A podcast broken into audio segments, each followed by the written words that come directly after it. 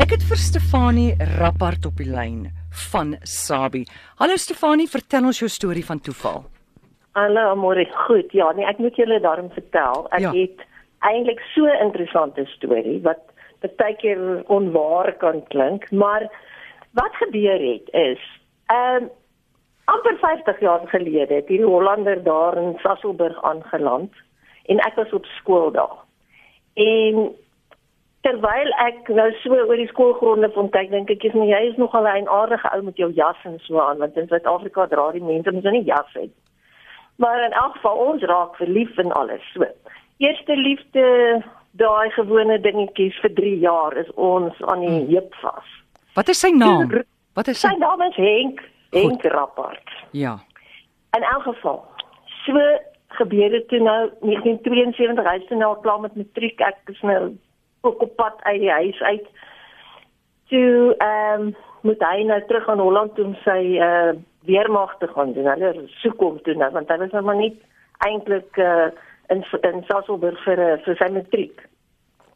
Mm. Maar in elk geval, daar beloof ons mekaar nie ons gaan nou ek moet universiteit toe gaan. Ons oor 'n jaar sien ons mekaar en dan gaan ons aan met hierdie verhouding. Nou ja, daai tyd was daar nie WhatsApp en Skype en daai goed nie. Met ander woorde, mm. dit loop dood. Na 'n jaar toe gee ons moed op. En jy weet, hoe gaan dit nou maar? Jy weet, ons het toe nou maar op die ou end van mekaar begin vergeet en getrou en kinders op ons eie in ons eie lande gehad en ons lewens opgebou. Nou nooit weer gehoor van mekaar, geen kontak vir 40 jaar. En so 2012 ry ek eendag Witrifuur toe hier van Sabie af. Stop. Ek het 'n kantoor daar. Jy het gesê jy het getrou, het, het jy geskei intussen? Is jou man dood? Wat het gebeur? Ja, ons is geske, ons is albei toe geskei. Goed, goed, punt. ja. En ehm um, wat er gebeur is ek ry die dag in so uit die bloute uit. Uh dink ek skielik ek sing liedjies van die ou dae. Jy weet Vincent en ag al die mooi goedjies. Begin ek sommer net skielik na hom verlang. Net dit so uit die bloute uit en ek is hy was 'n fantastiese mens. Ek wonder wat het van hom geword. En uh, ek raak toe eintlik heel sentimenteel en ek was eintlik 'n regte ou siniese ou vrou. Jy weet in daai tyd met die lewe wat so met mens mors. Maar in elk geval ek ek dink toe aan alles terug en ek dink jy sien eintlik jy weet ons het eintlik goed by mekaar gepas. Maar dit is nou maar hoe dit nou gewerk het. Maar gaan toe aan jy weet gaan die dag deur die werk en alles.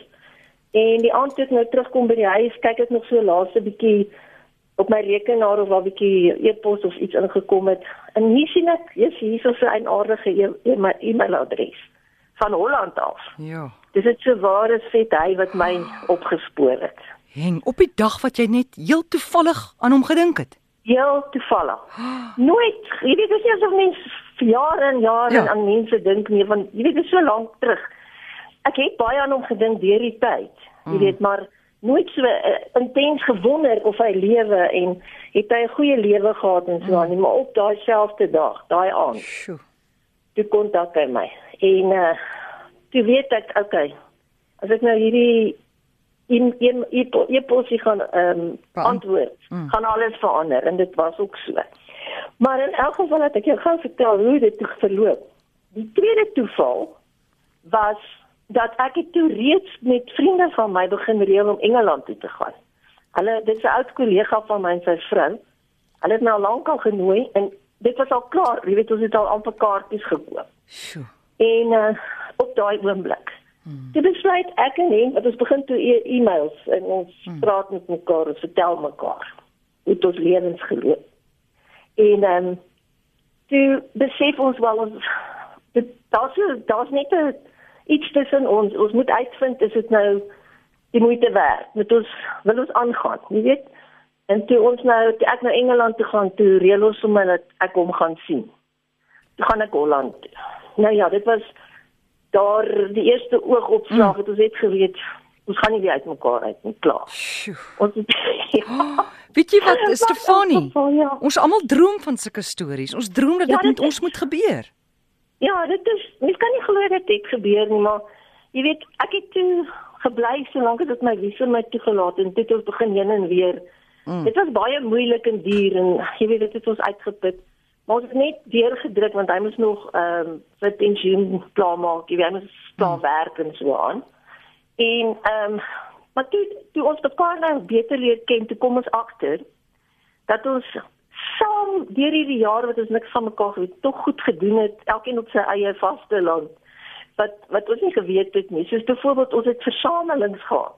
Wow. Ek het ek het hoede versamel. My hele gang, almal wat my ken weet, my gang was altyd vol hoede. Mm. So waar is vet, hy het ook hoede versamel. Jy jok. Ek het grashoede, jy weet, Afrika uh. hoede versamel. Hy het nou pette in in skotse hoedjies en sulke goed, maar hy het hordes en ek het hordes. Sjoe. en die ander ding wat ons saam versamel is ou kameras.